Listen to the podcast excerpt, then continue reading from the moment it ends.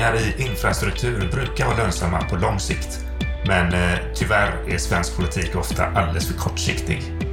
Det är mycket välkommet med ny och korrekt statistik om byggstarter, men eh, statistiken kommer att visa på ett fullständigt blodbad, tror vår expertkommentator Lennart Weiss. Du lyssnar på veckans Aktuellt från Fotbollpodden. Jag heter Niklas Tollesson och eh, Lennart och jag vi ska också prata om Stockholms framflyttade byggmål, de helt feltänkta miljöcertifieringarna, om att riva hus för att minska problemen i utsatta områden och om när de eh, problemen på bostadsmarknaden blir så stora att politikerna inte längre kan blunda för dem.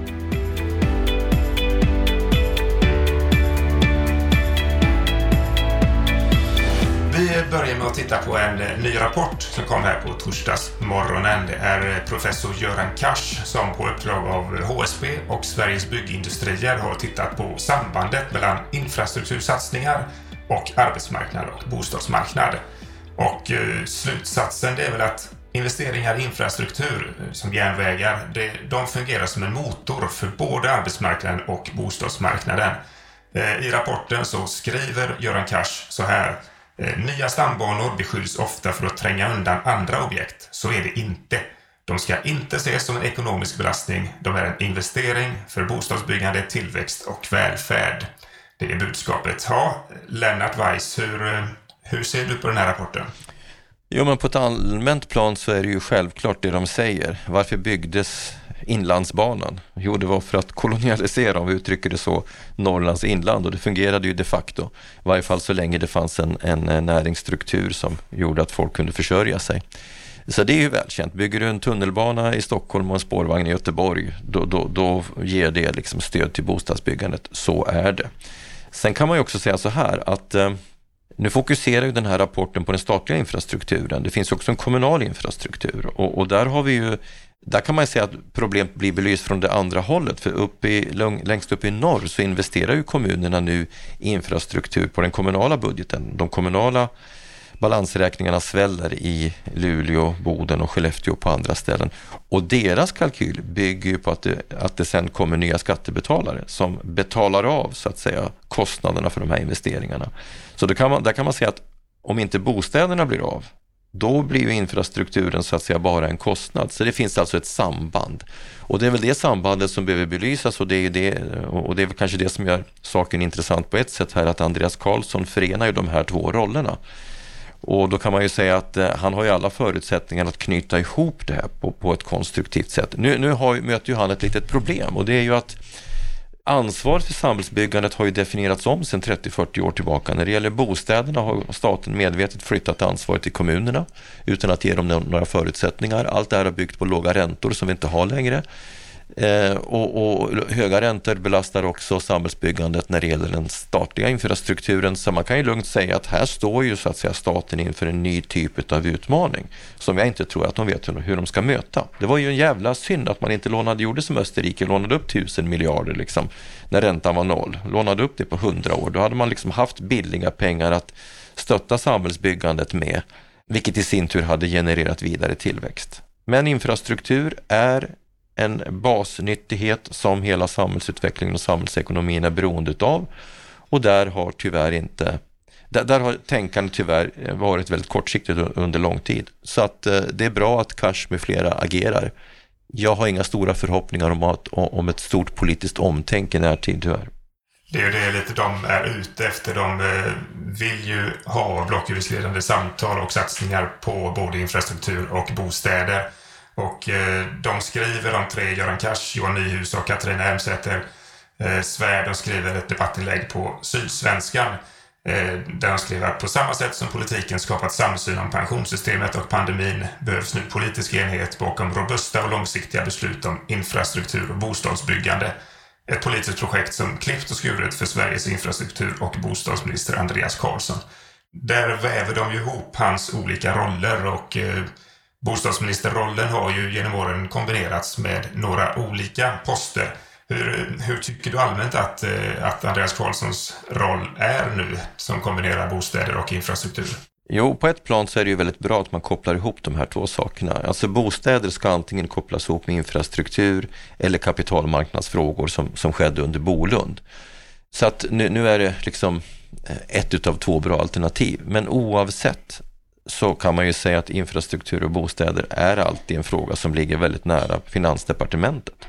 Och det är ju där så att säga restriktionerna uppstår. Det är, det är en huggsexa mellan olika mål. Rent allmänt har ju Sverige varit underinvesterat under en lång tid. Vi, vi har liksom utav politiska skäl, populistiska skäl prioriterat utgifter som, som medborgarna, väljarna direkt har nytta utav. De här långsiktiga tråkiga satsningarna, de, de, så att säga, de får man betalt för politiskt på längre sikt och det är det som är Andreas Karlssons problem.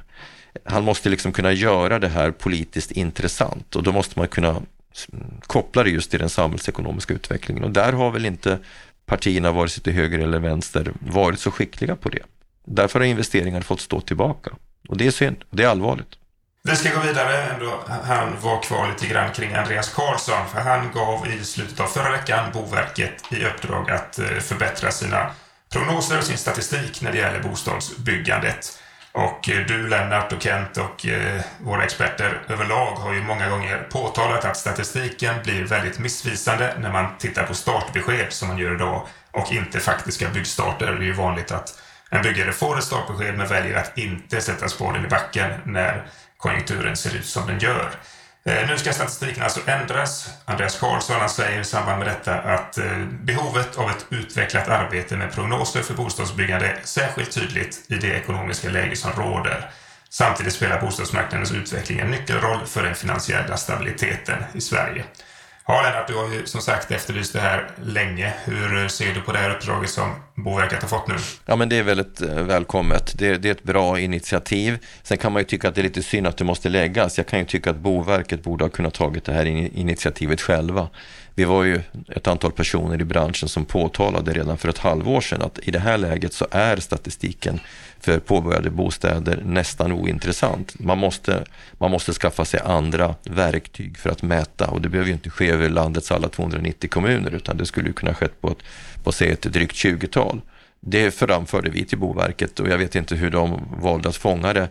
Ehm, kanske att det har varit en dialog mellan Boverket och, och, regeringen där man landade i att regeringen behöver lägga ett uppdrag. Men den här senfärdigheten är ju besvärande därför att statistiken för antalet påbörjade i år kommer ju att landa kring ja, 25 000, knappt 25 000. Men det faktiska bostadsbyggandet kommer ju vara väsentligt lägre och det är den intressanta saken att vederlägga i debatten. Jag tror ju att det dunsar ner på 15 000 eh, och, och kanske färre än så, därför det står ju tvärstopp. Det, det är tvärstopp, det står ju stilla överallt. Vilket ju det vittnas om på alla möjliga håll och kanter. Så att eh, initiativet är välkommet, det kommer väl sent, men bättre sent än aldrig. Och har du rätt i de här siffrorna så innebär det att statistiken ligger på dubbelt så många påbörjade byggstarter som det egentligen är. Det, det säger ju en hel del. Vet du vad, om du, om du sätter in det här i perspektiv, om vi säger att statistiken för påbörjade bostäder är någorlunda korrekt i en stark marknad, då har vi ett fall från 70 till 15 000. Det är alltså en 80 i minskning. Och det är långt mycket värre än det var under 90-talet och jag är helt säker på att vi ligger där. Det kommer vi snart se i konkursstatistik och annat, för det är verkligen ett blodbad just nu. Det är verkligen ett kris just nu och eh, en ytterligare en signal detta det är att eh, Stockholms stad nu i veckan flyttade fram sitt mål om nya bostäder med fem år. Eh, målet som man har haft det är att bygga 140 000 nya bostäder mellan 2010 och 2030. Och nu flyttar man fram det så att målet ska nås först 2035. Jan Waleskog som är stadsbyggnads borgarråd i Stockholm, han säger att med den här konjunkturen är det fullständigt omöjligt att nå till 2030 Därför måste vi flytta fram målet till 2035. Och eh, ja, med tanke på att nu har man hittills då sedan 2010 byggt 70 000 nya bostäder och då har det under större delen av den här perioden varit goda tider. Nu är det inte det. Eh, att då kunna bygga ytterligare 70 000 fram till 2035, är det nya målet rimligt? Nej, det är det inte. Men det är förstås en nödvändig anpassning. De kommer att tvingas anpassa sig i steg därför att du antyder ju att omvärldsmiljön med de låga räntorna var ju den absolut klart avgörande faktorn till det relativt höga bostadsbyggandet här som vi hade från eurokrisen, alltså 2012 fram till 2021, 22. Och den miljön har vi inte och den kommer vi inte att få tillbaka så att de kommer tvingas revidera de här siffrorna flera gånger. Alltså det finns ju data nu som är på väg, den kommer presenteras ganska snart, som visar att gapet till en fungerande byggkalkyl Eh, i Stockholmsområdet och då pratar vi om hela Stockholmsområdet. Det, det, det motsvarar ungefär hela byggmomsen. Så det är alltså det, det är ett kolossalt stort gap och det drabbar ju även projekt i Stockholms stad, även om det just där då finns en del premiumlägen som klarar av det här kostnadsläget. Men det är inte särskilt många sådana lägen. Så att eh, vad de här siffrorna och vad det här resonemanget visade att vi står inför en väldigt smärtsam anpassning där kommunerna måste börja se helt annorlunda på sitt mark och exploateringsarbete och anpassa sina kostnader. Markersättningen, markpriserna måste anpassas rejält. Men det kommer också att krävas andra typer av eh, stöd på den finansiella sidan ifrån staten. Så att det här ämnet kommer vi att komma tillbaka till Niklas. Det kommer vi göra. En annan fråga som vi diskuterar en del är det här med hållbarhet och här i veckan så har eh, både Revelop och Wihlborgs eh, lyft problemet med miljöcertifieringar. Det är så att nyproducerade fastigheter ger väldigt höga miljöpoäng medan renoverade fastigheter inte lyfts fram på samma sätt. Och eh, Arvid Lipe som är CFO på Wihlborgs han beskriver detta som eh, att jämna ett hus med marken, strössla ut ridningsmaterialet i rabatterna och bygga nytt ger fler gröna poäng än att rusta upp den befintliga byggnaden. Det här är en skevhet som måste förändras. Vad säger du om det här Lennart? Jag instämmer helt. Det är en absurditet att det kan fungera på det sättet. I de tider vi är nu med en hög medvetenhet om att, så att säga, klimatarbetet eh, står inför akuta utmaningar så ska man naturligtvis inte riva fungerande fastigheter utan då ska man ju renovera dem så långt det går. Jag menar det övergripande problemet när det gäller miljö och klimat är ju att vi omvandlar natur till avfall. Det är där liksom hela problemet ligger och då måste man anlägga ett resurshushållningsperspektiv. Så att han har naturligtvis helt rätt i sin kritik. Här har olika system inte harmoniserats med varandra och det är bara att hoppas att det sker. Och kommer det sig att eh, det inte är så? För liksom, eh, hans argument är ju fullkomligt logiska. Det, det, eh, det känns så självklart att det alltid är bättre att renovera än att, bygga, än att riva och bygga nytt. Varför har systemen inte fattat det här? Jag kan bara spekulera. Det kan möjligen vara så att, att jag menar, det handlar ju väldigt mycket om energianvändning i fastigheter och då kanske man har menat att det är mer effektivt att riva för då kan man sätta in effektiva system, liksom, eh, alltså kanalisation för ventilation och styrsystem och så vidare. Det kan ju vara någon sån faktor men feltänkt är det i vilket fall som helst för att tittar man på den samlade klimatnyttan så måste det vara bättre att använda eh, ett hus och bygga om ett hus som redan existerar än att riva och bygga nytt. Ett område där det kanske kan vara på sin plats med rivningar, det är det särskilt utsatta området Skäggetorp i Linköping, åtminstone så tycker det socialdemokratiska kommunalrådet Elias Aguirre det.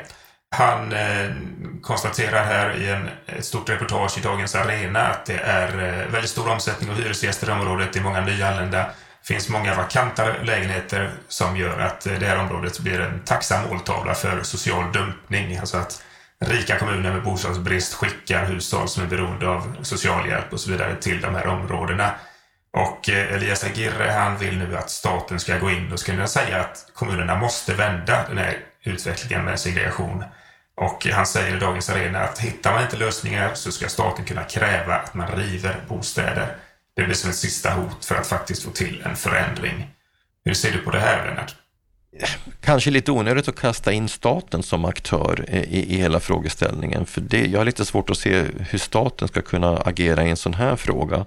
Han, han, har ju redan presenterat det grundläggande argumentet att det finns ett kommunalt incitament att riva om man har tomma lägenheter.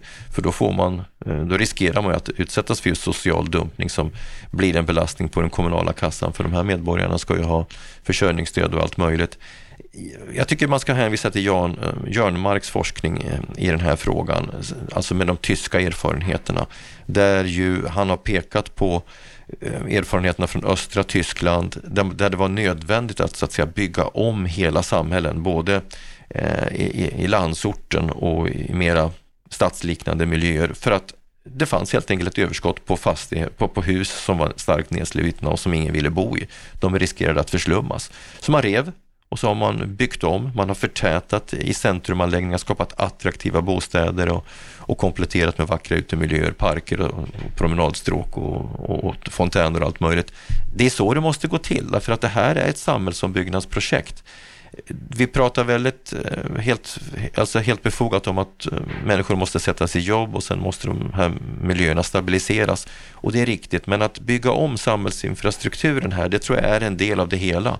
Så att Riv, bygg nytt Erik. Jag tror inte du behöver statens hjälp till det. det här, ni har tillräckligt goda incitament och jag tycker att det är välkomnande och friskt att ett socialdemokratiskt kommunalråd eh, kliver fram i den här frågan därför att det är säkert ingen okontroversiell ståndpunkt. Det finns nog de som tycker motsatt på den lokala nivån men, men det är bra att lyfta den här frågan för det kommer vara nödvändigt med den här typen av åtgärder.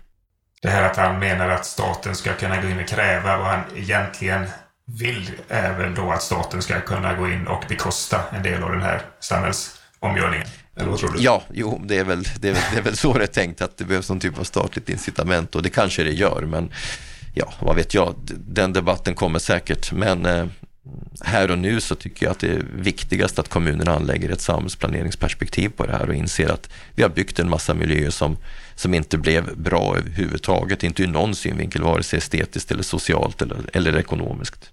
Vi ska gå vidare. Eh, I veckan här så presenterade Albin Kainelainen, eh, som till vardags är generaldirektör för Konjunkturinstitutet, han presenterade sin utredning om ränteskillnadsersättning, som alltså är den avgiften som låntagare får betala för att köpa loss sig från sitt bundna bolån. Det nuvarande systemet det missgynnar svagare hushåll och eh, man ska med ett nytt system jämna ut de skillnaderna och förhoppningen är att fler ska välja bundna lån. Eh, Sverige är ju ett av de länder i världen som har störst andel rörliga bolån, eller kort bindningstid. Och har vi fler bundna lån så blir vi inte lika känsliga för räntesvängningar. Eh, hur ser du på den här utredningen Lennart? Kommer den att göra någon skillnad? Hoppas det. Jag tycker att frågan består av två saker där en, en del av frågeställningen kommer lite i skugga. Det faktum att bankerna låser in sina kunder, det är naturligtvis ett problem och det är ju en av de frågor som adresseras här. Eh, en fungerande bankkonkurrens kräver ju att kunderna kan byta bank utan att det, medför en hög kostnad. Så den, i den delen så är, är det här, här, initiativet bra. Sen finns det en underliggande fråga i det här som rör rörligt eller bundna lån och där var ju finansministern ute igår också då och uttalade som att det, det, är negativt för Sverige att vi har, att hushållen har en sån hög andel rörliga lån. Det, det, är en annan debatt, men jag tycker man ska lyfta den ändå därför att den är väldigt intressant. Jag menar om man vill att räntepolitiken ska spela en roll då är det bra att hushållen har rörliga lån, därför att då stimulerar man ju hushållens konsumtion genom eh, styrräntan. Så att om vi skulle få mer bundna lån, då kommer ju penningpolitiken att bli mer, mindre effektiv. Vill man det? det? det? tycker jag är en intressant eh, frågeställning i sammanhanget. En annan frågeställning rör ju vad som händer med hushåll som har bundna lån vid kreditprövningen. Jag kan ju tänka så här att det skulle kunna finnas en fördel med mer bundna lån om hushållen då kan lägga in bindningsräntan i kalkkalkylen. Det vill säga det är den faktiska bundna räntan som ligger till underlag för kalkkalkylen och inte en stressad ränta på 6, 7, 8 procent som bankerna tillämpar. Ja, men om du även i det här läget då, när, när räntorna, de bundna räntorna är ganska höga, säg 4,45, 5 någonting, så är det ju ändå en bättre ränta i kalkylen än 7-8 procent. Så den aspekten kan man ju lyfta in också. Men ska det här bli riktigt bra, då ska alltså vi få till stånd en, en mer bättre fungerande marknad när det gäller möjligheterna för konsumenter att byta bank. Men vi måste också, måste också sätta in frågan i det större frågeställningen kring hur kreditprövningen går till. Så att jag skulle önska att man liksom tar båda frågorna i, i samma sammanhang. Annars så blir det liksom att bankerna kommer ut som vinnare ändå för hushållen kommer inte göra någon större skillnad.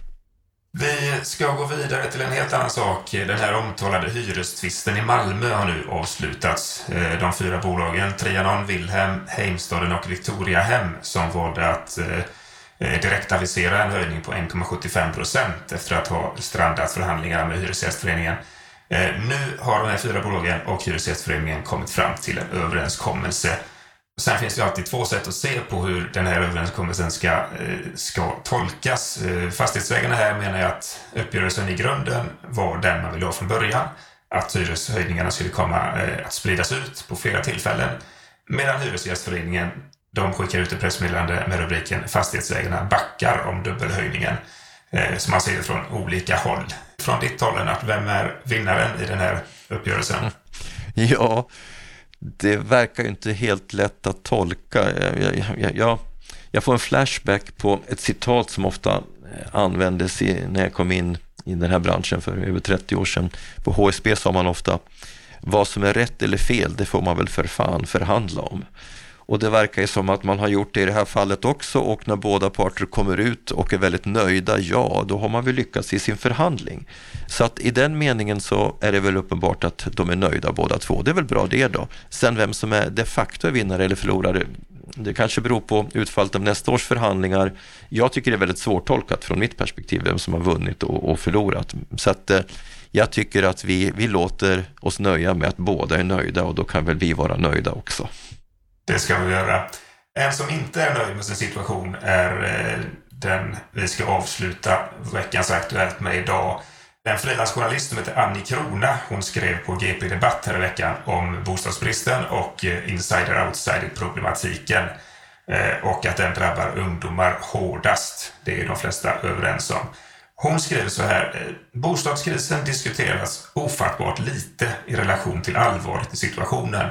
Och när ämnet väl kommer på tal är det inte ovanligt att en av de mest utsatta grupperna, de unga, utelämnas helt. Jag kan inte låta bli att undra om det hade låtit annorlunda om makthavarna själva inte hade gynnats av den bostadspolitik som förts de senaste åren. Om de själva inte var en del av den marknad som bostadsägare fruktar ska rasa. Hur ser du på det här resonemanget? Det är ju en stor del av befolkningen som har det väldigt bra i sitt boende och därför tonas problemen på bostadsmarknaden ner, är hon inne på. Mm. Hur ser du på det? Ja, det blir ingen het fråga därför att det är för få som så att säga missgynnas eller är drabbade utav dagens situation. Men det är ett problem som blir allt större i termer av antal människor som omfattas av det och problemet kommer i allt större utsträckning färgas av, av, eh, av konjunkturella frågor, av, av de problem som hela samhällsekonomin får när inte bostadsförsörjningen fungerar. Men det hon adresserar explicit, det är ju generationsproblematiken. Och jag själv förundrats över, över att det har varit så tyst i, det, i den frågan. Jag har ju försökt till och med att provocera de politiska ungdomsförbunden. Jag gjorde det eh, för ett par, tre år sedan med ett öppet brev till de politiska ungdomsförbunden på temat varför är ni så förbannat tysta i den här frågan? Varför företräder ni inte era ungdomsgrupper? Och fick till svar av ett par av ungdomsförbunden att det här var ingen ungdomsfråga utan bostadspolitiken var en generell fråga, vilket ju visar att de inte fattar problemet. Ehm, den här debattören ringar ju in problemet alldeles korrekt, att här finns en generationsklyfta och, och, och den klyftan kan beskrivas som att Alltså det själva grundläggande samhällskontraktet som vi en gång hade, där alla skulle få göra sin livsresa på egna villkor. Vi byggde upp olika typer av politik för det. Studiemedelssystemet, eh, socialförsäkringssystemet och så vidare, den aktiva arbetsmarknadspolitiken. Bostadspolitiken var en del av det här och tanken var att man skulle liksom tillförsäkras rätten till en god bostad, förvisso på olika sätt. Det där gäller inte längre. Det gäller inte den unga generationen. Det gäller bara den del av den unga generationen som har föräldrar som har en belåningsbar tillgång. De har valfrihet, de andra har inte valfrihet. Så på det sättet har vi skapat en ny typ av klassklyfta på bostadsmarknaden och det är märkligt att inte det diskuteras mer. Jag, jag tycker själv att det är märkligt och eh, jag skulle säga att det, det, det, föder också stora problem. Om kapitalöverföringen i ett samhälle bara fungerar över familjerna, då kommer i praktiken klyftorna eh, i det långa loppet att öka. Och det gör de nu och det blir först synligt på bostadsmarknaden. Men det är en väldigt smygande process. Det är som när grodan liksom släpps ner i, i, i, i kallt vatten det tar lång tid innan det blir tillräckligt hett för att eh, han ska vilja hoppa ur då, eh, eller rent av bli kokt och det är samma sak här. Men jag skulle nog säga så här, snart så börjar det bli tillräckligt hett i det här kärlet för att grodan ska vilja hoppa ur. Det kommer att ske under den andra hälften av det här decenniet och då ska det bli väldigt intressant vilken debatt vi får därför att politikerna är fortfarande bara i embryostadiet för att förstå den här frågans dimensioner. Det kommer krävas ett mycket, mycket stort omtag när det gäller bostadspolitiken. Men först måste det krascha och nu kommer kraschen. Det sker nu i realtid och eh, ska vi säga 2024, 2025, då kommer den här frågan komma upp på, på agendan på allvar. Då ska det bli spännande att vara med. Och vi på Bopolpodden och bostadspolitik.se kommer definitivt att vara med i den debatten när den växer till sig. Det här var allt för oss för idag. Vi är tillbaka på måndag. Då är Anna Bellman tillbaka i studion och då tillsammans med stadsbyggnadsexperten Kristina Alvendal som alltid har många järn i elden. Eh, bland annat så skriver hon just nu på en expertrapport om ineffektiviteten i samhällsbyggnadsprocessen. Nej, men det som är lite intressant och vågat får man väl säga av då ordföranden i produktivitetskommissionen det är ju att jag har fått ett uppdrag som inte ska eh, vila på akademiska grunder utan jag ska ge exempel. Och det finns, det, de här exemplen är ju från verkligheten, de kan ju ingen emotsäga sig. Utan eh, okej, okay, är det så här eh, en regel eller en lag eller ett arbetssätt? Är det det här som är följden? Då måste vi ju ändra det. Kommer ju inte vara någon som tycker att det här verkar ju vara jättebra system, att det tar eh, sju år att göra en plan för att få, få upp ett antal bostäder och då kan dessutom en statlig myndighet stoppa allting och börja från början så att det ska ta sju år till. Det är ju bara hål i huvudet och samhällsekonomiskt katastrofalt. Missa inte den här intervjun. Vi släpper den alltså klockan fem på måndag morgon så då kan ni sitta beredda. Eh, stort tack för att du har lyssnat på oss idag. Stort tack Lennart för att du var med och gav dina eh, tankar kring det som hänt i veckan. Gå gärna in på bostadspolitik.se och läs det senaste. Teckna dig för våra nyhetsbrev som vi skickar ut kostnadsfritt på tisdagar och fredagar. Och ha nu en riktigt fin helg.